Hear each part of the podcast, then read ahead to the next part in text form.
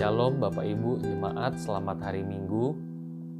Bapak Ibu pada hari ini saya mau berbagi firman Tuhan dari 2 Raja-Raja 5 ayat 27. 2 Raja-Raja 5 ayat 27. Tetapi penyakit kusta Naaman akan melekat kepadamu dan kepada anak cucumu untuk selama-lamanya.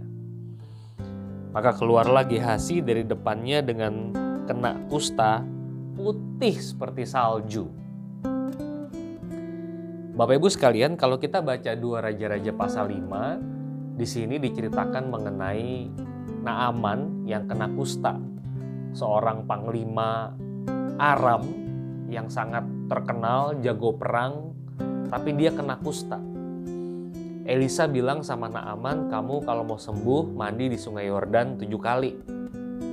Naaman dikisahkan marah di situ karena sungai-sungai di Aram lebih bersih, lebih bersih daripada sungai Yordan. Tetapi prajurit-prajurit bawahannya Naaman ngingetin, bukankah kalau perintahnya lebih sulit, Bapak akan lakukan? Akhirnya singkat cerita Naaman melakukan hal itu dan dia sembuh saudara-saudara. Ketika Naaman sudah sembuh, Naaman mau memberi kepada Elisa. Perak segala macam, pakaian segala macam. Wah, Elisa bisa jadi orang yang kaya. Tetapi Elisa menolak hal itu. Nah, diam-diam ketika Elisa menolak si Gehasi ini bujangnya kepengen dan dia menghampiri Naaman dengan berbohong. Lalu diberikanlah semua perak dan potongan-potongan pakaian itu saya bacakan sedikit ya saudara-saudara ya. Ayat ke-26, Gehasi telah menerima perak dan dengan itu Gehasi bisa membeli kebun-kebun, kebun zaitun, kebun anggur, kambing domba, lembu sapi, budak laki, budak perempuan. Jadi kebun-kebun, tanah-tanah, terus kendaraan, terus properti yang lebih murah. Jadi dia bisa beli tanah, dia bisa jadi juragan tanah. Saudara bisa bayangkan dengan penggambaran di ayat 26 ini betapa banyaknya uh, harta materi yang diterima sama Gehasi. Banyak banget dia bisa beli kebun, bisa beli kebun-kebun, bisa beli kendaraan. Waktu itu kendaraannya itu apa namanya kambing domba, lembu sapi dan properti yaitu budak. Jadi ini harta yang sangat banyak sekali. Nah saudara ketika diketahui oleh Elisa bahwa Gehasi menerima itu Elisa mengutuk Gehasi. Kustanya Naaman pindah ke kamu sampai kepada keturunanmu. Dia begitu terima berita itu langsung kena kusta putih kayak salju. Baju saya ini mungkin belum putih sekali ya, putih kayak salju bayangkan saudara-saudara.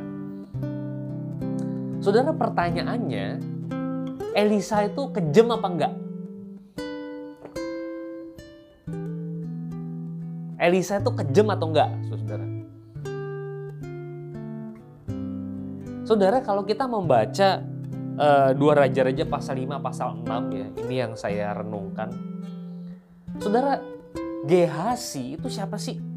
Gehasi itu bujangnya Elisa. Dia pasti mendampingi Elisa. Dia pasti melihat mujizat-mujizat yang Elisa buat. Kalau saudara baca di sini ada kapak timbul mengapung. Ada nabi-nabi tuh mau bikin rumah, eh tiba-tiba kapaknya tenggelam.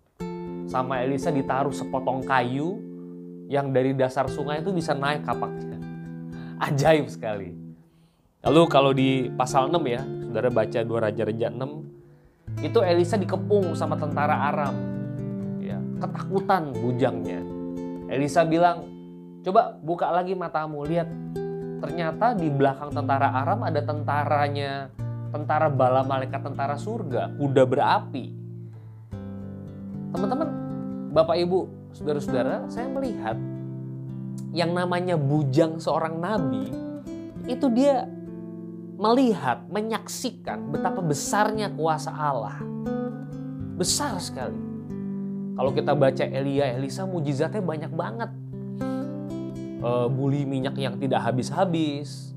Lalu anak seorang janda yang dibangkitkan. Itu Gehazi itu terlibat di semuanya itu. Kalau kita baca mundur ya, dua raja-raja 4 3. Kenapa kok saya ngomong begini? Saudara, saya merasa bahwa apa yang dialami oleh Gehazi sebenarnya sesuatu yang pantas gitu.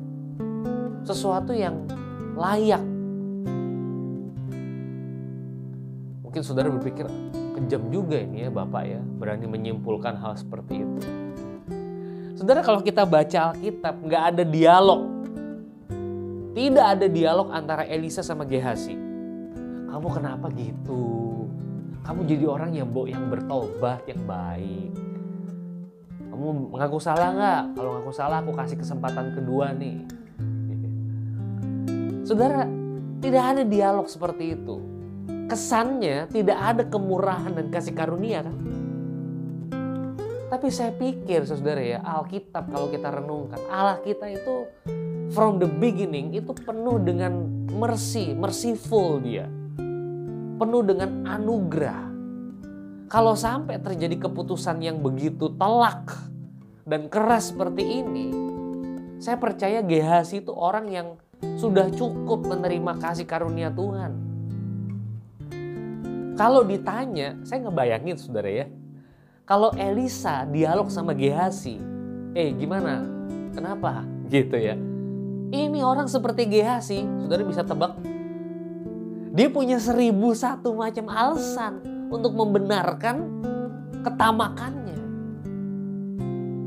Elisa punya seribu satu macam kalimat yang bisa diadres, dialamatkan kepada Gehazi. Percuma kan suara kenabian itu. Sudah ingat konten yang saya buat beberapa waktu yang lampau? Suara kenabian itu juga membutuhkan kerendahan hati. Kalau enggak, percuma suara kenabian itu.